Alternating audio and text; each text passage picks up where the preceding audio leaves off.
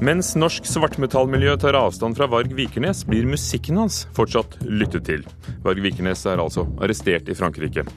Pinlige situasjoner og dristig dialog løfter pornopung til en festlig filmopplevelse, sier vår anmelder.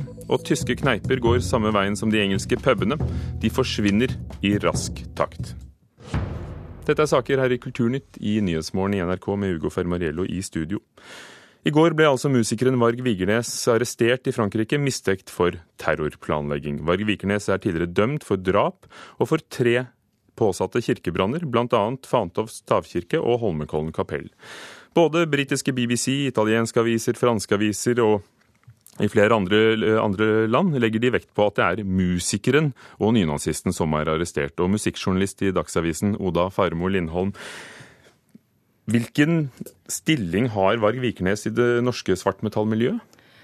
Han er jo kjent som en veldig progressiv eh, musiker. Han driver jo med langt mer enn kun black metal også. I de siste årene så har han vel drevet mest med det man kan kalle en slags sånn ambient doom. Eh, så han er vel kjent som en foregangsperson, da. Innen mye av det musikalske. Og deler det musikalske, men nå står han altså klistret opp som nynazist, Breivik-sympatisør. Det siste er han jo ikke. Men, men, det er det det står i avisene. Ja. Så hvordan uh, reagerer svartmetallmiljøet i Norge på å bli assosiert med Vikernes? Sånn uh, politisk ytringsmessig så er han jo åpenbart uh, ganske gal og langt, langt, langt altfor langt der ute på høyresiden. Så jeg vil tro de reagerer veldig negativt på i det hele tatt bli assosiert med han. Det var altså i går han ble arrestert i Frankrike, i landsdelen Corrèze, nede i sydvest-Frankrike. Og reporter Arnt Stefansen, du befinner deg i Paris. Hva er siste nytt i saken? Han sitter i varetekt der nede i byen Brive-la-Gaillard. Eh, har vært eh, forhørt Eh, i hele går, eh, uten at politiet har klart å få frem noe konkret mål eller noe prosjekt som, eh, som han kan forbindes med. Man sier at dette er et preventivt tiltak, at man har arrestert han. Man vil gjerne vite hva som skjer på denne gården, hvilke våpen de har, og også snakke med mannen for å nærmest forvisse seg om at man er ja, føre var. Og mm, det innenriksministeren sa i går, er at vi handler eh, på forhånd istedenfor å handle etterpå. Eh, fordi at vi mener dette er en farlig mann, og vi mener at vi har indikasjoner på at han plan, har planlagt en større terroraksjon, som det heter. Hvordan dekker pressen i Frankrike, men også utenfor arrestasjonen? Veldig omfattende. Dette er en av de absolutt største nyhetene i Frankrike det siste døgnet. Eh, og eh, man følger dette så å si fra time til time. Eh, og man bruker veldig mye spalteplass på å fortelle hvem Varg Vikernes er. Franskmennene aner jo ikke hvem mannen er.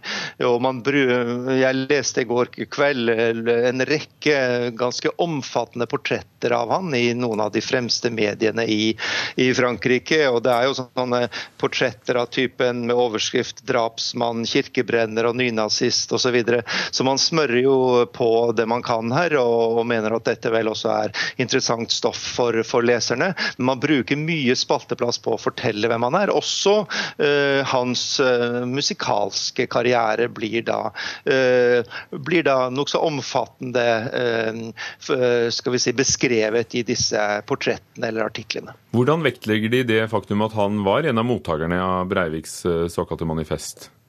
Altså, eh, Hvis jeg skal være litt kynisk, så tror jeg at dette at han kan knyttes til Breivik. Det er to år siden eh, attentatene i, eh, i, Norge.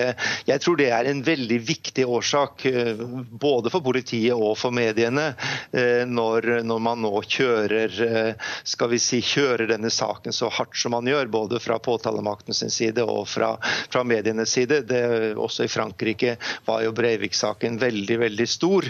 Og jeg mener det er en ganske viktig del av hele dette komplekset og denne saken. Du har også sett på pressen utenfor Frankrike og, og, og Norge. Hvordan omtales han der? Det er artikler om ham i de fleste store mediene i, i Europa. Jeg har jo ikke full oversikt over det, men, men det er jo også en, en sak som omtales f.eks. alle de store europeiske nyhetsbyråene som Reuters, Agence France Presse, Deutsche Presseagentur osv. Så, videre. så det er en, en, en, stor sak der også. og Det går hovedsakelig på å fortelle hvem man er, og, og det å følge Ja, der forsvant eh, linjen vår til Paris. Musikkjournalist eh, Oda Farmo Lindholm, eh, du har selv bodd i Paris det siste året. Vil du si at Vikernes blant dem som hører på metalmusikk, er kjent? Blant dem som hører på metal, så tror jeg åpenbart han er det.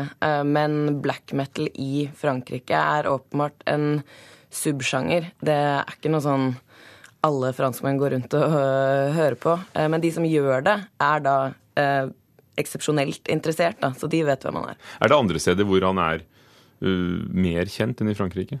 Mm, jeg vil tro at i uh, Latin-Amerika, særlig kanskje Mexico, der norsk black metal er voldsomt stort, der er han nok ganske kjent. Og åpenbart også i Øst-Europa. Det er et norsk eh, blad som handler om black metal, som nekter å anmelde og skrive om Varg Vigernes. Men han har gitt ut musikk hele tiden, også mens han satt i fengsel. Han ga ut sin ellevte plate i fjor under artistnavnet Bursum. Ehm, hvordan er musikken hans? Blir den tatt på alvor? Ja, det blir den absolutt. Jeg er jo en av de som har fortsatt å anmelde musikken hans. Jeg har kanskje ikke noe sånn voldsomt rigid skille på at eh, en god kalle kunstner eh, også må være et godt menneske. Um, han er åpenbart et dårlig menneske. Men han lager veldig fin musikk, eh, bisart nok. Uh, og den er nå mer i det landskapet som jeg omtalte tidligere, som heter litt sånn ambient doom. Veldig sånn metamorfoselignende, trege, minimalistiske bevegelser. Da. Men hvilket forhold har han, altså Vikernes, til det norske svartmetallmiljøet? Det vil jeg tro er nesten inteteksisterende. Han syns jo at de er en gjeng med feige, avpolitiserte pingler som man ikke vil eh, assosiere seg med i det hele tatt. For mange vil jo mene at det er problematisk å kjøpe og selge musikk til en uh, drapsdømt odinist, som er det han kaller seg med referanse til norrøn mytologi. Hva mm. mener du? Jeg syns åpenbart at man burde diskutere hvor de grensene går, da. Og med alt som uh, han skriver på den bloggen han har, og ting han har gjort og sagt tidligere, så skjønner jeg at veldig mange får han opp i halsen. Mm. Er det kommet noen ytringer på nettopp fra svartmetallmiljøet i, i, Norge etter arrestasjonen? Ja, eller sånn Man observerer jo ting på Twitter og Facebook og sånn, men da går det jo mest i nesten latterliggjøring. De syns jo han er en tufs, og det skjønner jeg jo veldig godt. Takk skal du ha, Oda Farmo Lindholm, musikkjournalist i Dagsavisen. Så hørte vi også Arnt Stefansen på plass i Paris. Varg Vikernes ble altså arrestert i Frankrike i går, mistenkt for terrorplanlegging.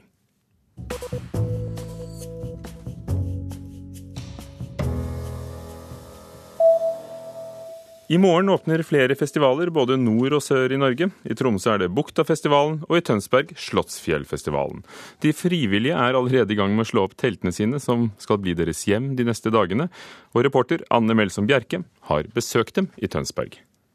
Du, vi befinner oss nå på frivillighetscampen. Eh, det er ikke så veldig mange telt som har kommet opp eh, ennå. Eh, hvilket telt er ditt? Mitt er det store der med partytelt, så vi har tatt opp nå en stor del av campen. Men det kommer litt flere i dag, da, så vi skal bli en litt sånn stor gjeng rundt det partyteltet, da, tenker vi. Men eh, partyteltet har jo ikke, så vidt jeg ser i hvert fall, så er det bare ett tak uten vegger. Det, kommer det til å bli forandra på? Nei, vet du, jeg tror vi holder veggene åpne og borte, sånn at folk kan få lov til å komme og gå som de ønsker. Mm, så det blir litt sånn eh, åpen løsning, det her? Ja ja, her er alle velkomne. det er ingenting å utsette på humøret til de frivillige ved årets Slottsfjellfestival. I går klokka to ble portene åpnet for de aller ivrigste festivalgjengerne, men flere av årets frivillige har allerede slått rot. En av dem er Silje Bruvik fra Oslo, som for andre året på rad er frivillig. Hun har jobbet mange timer allerede. Jeg er veldig sliten i hendene. Har liksom gripeevnen. Bare... Men det gjør hun gledelig, for det er flere gulrøtter som venter om kun få dager. For dette er lyden av et sild! Lakken min er rød. Ut av mamma dagen jeg ble født. Kom og ta meg, baby, bak i tåret, dans i mengden. Kom, kom, kom og ta meg, baby, bak i tåret, dans i mengden. Carpe Diem og Kaizers selvfølgelig, og Imagine Dragons. Og så er det litt sånne småband også som jeg gleder meg litt sånn halvveis til. Så jeg tror det blir veldig, veldig mye bra i år. Så du skal se rett og slett så mye som du får mulighet til? Ja, det blir litt sånn, tror jeg. Nå er vi en stor gjeng med veldig mange folk, og de kommer sikkert til å se litt, ønske å se litt forskjellige konserter, så vi kommer nok til å tilbringe mye tid der oppe på fjellet, tipper jeg. Litt videre innover i teltlandskapet på frivillighetscampen møter vi Tom Sander Aune fra Trondheim. Selv om det er hans første tur nedover til Tønsberg og til Slottsfjellfestival, er han ikke ny i festivaljungelen. Han trenger ikke tenke lenge når vi spør han om hvilken artist han gleder seg mest til å se. Ja, det må være Lemett. Tror jeg blir ganske fett.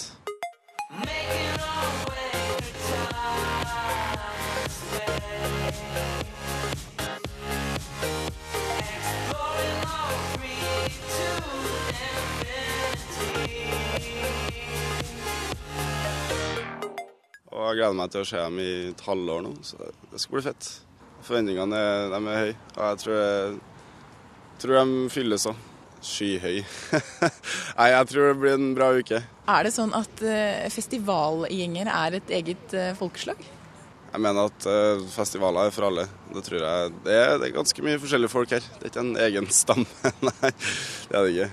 Tom Sander Aune skal bo i telt sammen med to kamerater, og innrømmer at en uke uten fasiliteter som dusj i direkte nærhet kan bli en prøvelse. Ja, litt skeptisk, men det er en del av festivallivet, det, da. Du, Er det sånn at du skal faktisk lukte at du har vært på festival? Jeg føler nesten at det, det, må, det må, lukte litt da, når du kommer fra festivalen. Ellers har det ikke vært en ordentlig festival, men nei da. Ja, det var de frivillige på Slottsfjellfestivalen i Tønsberg, reporter Anne Melsom Bjerke. Kvart over åtte, du hører på Nyhetsmorgen i NRK. Hovedsaken i dag. Varg Vikernes er foreløpig ikke siktet for noe straffbart forhold, ifølge fransk TV. Han er mistenkt for å ha planlagt terror, men sitter fortsatt på en politistasjon nær gården han bodde på. De er langt mindre konkrete, ser det ut til, enn det eh, så ut til i går, da nyheten eh, kom. Det virker som en her har handla preventivt. Sa kommentator Knut Magnus Berge. Cuba bekrefter at et skip på vei til Nord-Korea ble lastet med våpen i en cubansk havn. Myndighetene hevder våpnene skulle rustes opp, og at de skulle tilbake til Cuba etterpå. Mange sykehus har flyttet pasienter ut av helsekøen før pasienten har fått behandling. Slik har sykehusene unngått å bryte fristen. Nå blir loven endret i tråd med nettopp denne praksisen. Og en maksimalist og en minimalist er blant forfatterne som vår utvalgte kritiker anbefaler som sommerlektyre for oss i Kulturnytt i dag. Du gjør alt jeg ber deg om innen nyttår. Da har jeg fem måneder på å gjøre deg om til en mann som kvinner vil dele sin seksualitet med.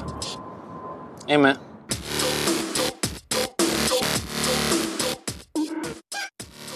Fredag er det premiere på filmen Pornopung. Filmen bygger på boken som kom for ti år siden, skrevet av Mats Larsen. Den handler om sjekking. Den inneholder ekte nakenscener og Rune Haakonsen, kritiker i Filmpolitiet i NRK P3. Hva syns du? Det er en overraskende god film. Den balanserer det ekstremt kleine med humor og med et uh, ordentlig alvor når det slår inn. Men uh, filmens sterkeste kvalitet ligger nok faktisk i skuespillet til hovedpersonen Ole Kristoffer Ertvåg som den da uerfarne Christian. og og Herbert Nordum som den da sleazy eh, Casanovaen Carl. Før vi går videre, hva handler det om? Det handler jo om at denne unge Christian flytter til Oslo, inn i et kollektiv, og blir introdusert til eh, to kamerater der som er velverserte i byens eh, natteliv, og ikke minst i sjekketriks. Og de tar da den unge Christian under armen og skal lære han opp til hvordan å bli en ordentlig, ordentlig sjekker. Men det er altså blitt en god film? Ja, og det er jo en debutregissør som har eh, stått bak det. Johan Kaos er ung og 26 år gammel og har jobbet fram denne filmen eh, ganske på egen hånd utenfor det etablerte skal vi si, filmproduksjonssystemet i Norge. Og jeg syns at det har blitt en eh, ganske så imponerende debutfilm fra han, som som skiller seg ut også sjangermessig med å, med, med å, tørre å gå i begge retninger. Med både det ekstremt kleine i det nakne og, og morsomme, men også i, inn i alvoret når når det tynger. Men det kleine eller pinlige, er det et kunstnerisk poeng, eller er det ufrivillig pinlig, tror du? Eh, det er nok et kunstnerisk poeng her, og, og med tanke på, på måte, historien som ligger bak i boka til Mats Larsen om, om sjekkekultur, så, så, er det nok veldig tro mot uh, det universet og det, det, det veldig usminka uh, som, som, Mats Larsen la seg opp til. Og, det, og det, er nok noe av det som redder filmen fra å bli rett og slett en, en, en, en nakenfest. Den klarer å holde fokus på opplevelsene til den, den unge og uerfarne Christian i Oslo, og det er en av filmens sterke sider. Men Rune Håkonsen, hvor naken kan det bli da i en norsk film med 15-årsgrense, selv om tittelen er pornopung? Eh, det er eh, ganske mye nakenhet hvis du tenker på akkurat denne filmen spesifikt. og eh, Jeg vil nok gi et råd til foreldre med ungdom i huset, og, og ikke se filmen sammen med dem, for det kommer til å bli fryktelig flaut. Du nevnte at denne filmen er laget utenfor det etablerte filmmiljøet. Den har et budsjett på bare, for det er bare i filmsammenheng, på 10 millioner kroner. Den er den første spillefilmen i Norge som er laget ved hjelp av såkalt crowdfunding, altså at fansen selv stabler på bena litt penger eh, etter hvert mot å få noen gjenytelser, kanskje navnet på rulleteksten. Syns dette? Eh, budsjettet som da du nevnte er på knappe ti millioner, det, det ses ikke, for det er en veldig polert film og med mye musikkvideoestetikk i, i både filmbilder og, og, farger, sånn at den har et veldig profesjonelt utseende sånn sett. Når det kommer til dette med folkefinansiering, så, så merkes ikke det så mye. Um, det var jo en av måtene regissøren forsøkte å få prosjektet av beina. Men til syvende og sist så kom det nok ikke så mye penger inn på dette til at det endra filmens retning eh, i særlig grad. Men, eh, men den ser eh, for å si det sånn da, den ser mye dyrere ut enn det den faktisk har kosta. Mats Larsens roman 'Pornopung' førte til debatt om sjekking og kjønnsrollemønstre og menn og kvinner og likestilling da den kom for ti år siden. Tror du denne filmen også vil føre til debatt nå som det er gått ti år? Eh, ikke på samme skala. Overhodet ikke. Den eh, vil nok kanskje aktualisere en del av debattene skal vi si, på, på, mellom folk som går og ser filmen, og, og, spesielt mellom unge. Og det er jo kanskje en, en veldig sunn ting, det. Men uh, filmens svakhet er kanskje at altså vendepunktet i filmen skildres fra én side. Eh, og hadde det vært flere perspektiver inne der, så kunne kanskje debatten blitt løfta opp en gang til. Men dette er nok først og fremst en underholdningsfilm for eh, unge, og ikke en film som egner seg til veldig mye debatt nå ti år etter. Takk skal du ha, Rune Håkonsen i Filmpolitiet, for at du hadde anmeldt Pornopung for oss. Og så kan vi alltid lese hva du syns også på nrk.no Filmpolitiet. En bit av tysk kultur er i ferd med å forvitre. Det er de tyske kneipene som forsvinner. Bare i delstaten Bayern finnes det nå 500 av 2000 småsteder som mangler et sted å få seg et eh, godt, tradisjonsrikt tysk måltid, som svinestek og raspeball f.eks.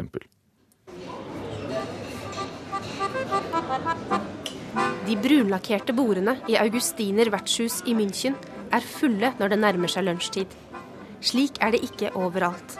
Før hadde hver eneste lille landsby i den tyske delstaten et slikt vertshus. Men i de siste årene har en fjerdedel av de tradisjonelle spisestedene blitt lagt ned. Det bekymrer Wolfgang Schneider. Han er vertshustester for den offentlige TV- og radiosenderen Bayerische Rundfunk, og har som jobb å reise rundt og sjekke forholdene på vertshusene. Jeg reiser mye i Bayern, og kommer over svært mange småsteder og landsbyer hvor man ikke får spist middag. Her finnes ingen steder å få seg en brødskive engang. Wolfgang Schneider mener en av grunnene til at det nå i flere landsbyer i Bayern ikke er mulig å få seg en matbit, er at samfunnet har forandret seg. Vi opplever en dyptgripende funksjonsendring. Vi opplever en landsflukt der folk flytter inn til byene. Det blir færre unge, og de blir også mer mobile og reiser lenger når de skal ut om kvelden. Over en svinestek til 13 euro, 100 kroner, er Wolfgang Schneider opprørt over at folk tyr til de billigste alternativene, og dermed lavere kvalitet. Det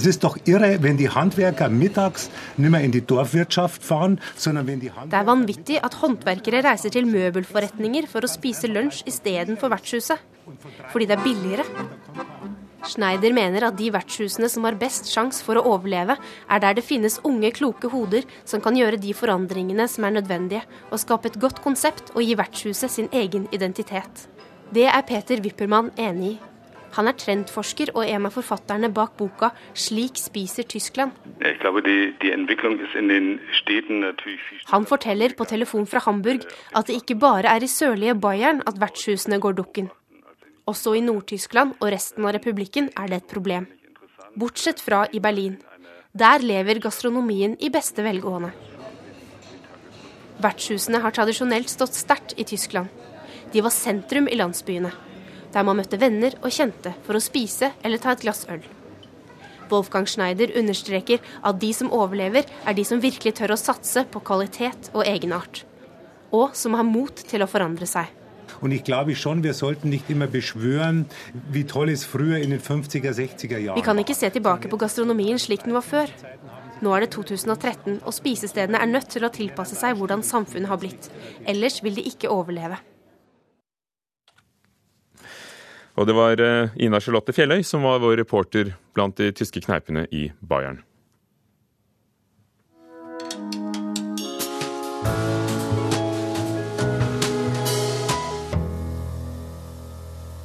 Hver onsdag får vi spesielt utvalgte lesere og kritikere til å anbefale nettopp lektyre for sesongen i dag. Thea Urdal, litteraturkritiker i Dagsavisen, velkommen. Tusen takk.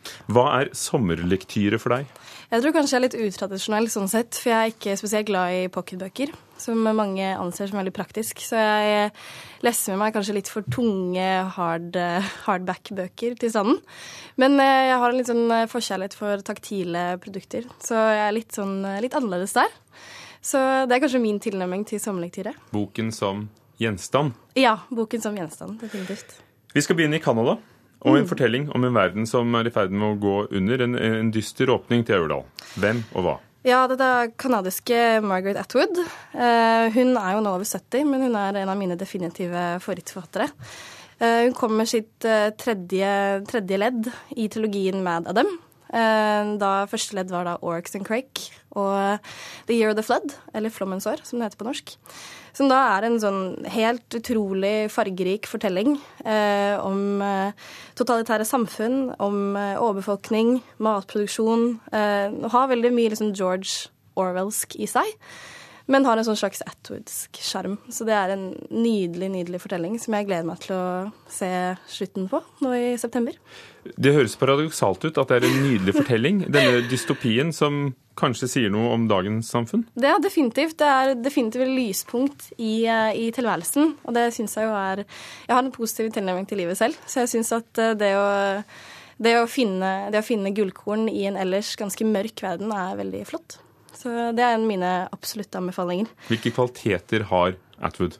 Altså Hun er jo en, jeg kaller henne maksimalist. Hun har et utrolig rikt eh, ordforråd og er så oppfinnsom. Hun har eh, noen helt utrolige navn. Altså Hun snakker om f.eks. genspleising, ting som ikke er så fjernt fra vår egen samtid, men som, eh, som på en måte har en utrolig oppfinnsom vri. Da. Blant annet en, en gris som heter da en pigun, som man bruker for å dyrke frem organer. Det heter da en pigun, fordi det er en blanding av en pigg og en balloon. Jeg skal, jeg skal gjenta alle disse titlene etterpå. Jeg. Men så til den rake motsetning av maksimalisten Atwood, nemlig Kjell Askildsen. Eh, vår egen Kjell, eh, som også er en mann som er eh, ganske så oppe i årene. Eh, hans noveller er jo viden og verdenskjent, eh, og er veldig flott samlektyre, for de er jo ganske lette å greie å ha med seg med eh, rundt omkring, enten det er hytte eller strand. Eh, jeg begynte å lese litt av det igjen nå i sommer, og eh, blant selvfølgelig annet er det jo selvfølgelig Thomas Fs siste nedtegnelser til allmennheten, eh, som kom i 83 som er en nydelig, nydelig fortelling om en gammel folkeskymann og hans betraktninger rundt livet. Men uh, samtlige hans noveller er egentlig å anbefale. Det er egentlig bare å begynne på begynnelsen med 'Heretter følger jeg deg alltid hjem'. Uh, det flyter så lett, det inneholder så mye, samtidig som det er så minimalistisk, og det veier så tungt. Så du tar for deg hele Kjell Askildsens forfatterskap i Altså, sommer? jeg vet, vet ikke helt om jeg klarer å komme meg gjennom alt nå i sommer, men det er jo relativt uh, lett og greit å lese òg. Så jeg leste, begynte å lese var i Roma nå for en måned siden, og det gikk fryktelig fint på noen få timer. Og så en dansk forfatter, sa yngre, som også skriver i den knappe stilen. Mhm. Helle Helle. Helle Helle. eh, også en av mine favoritter.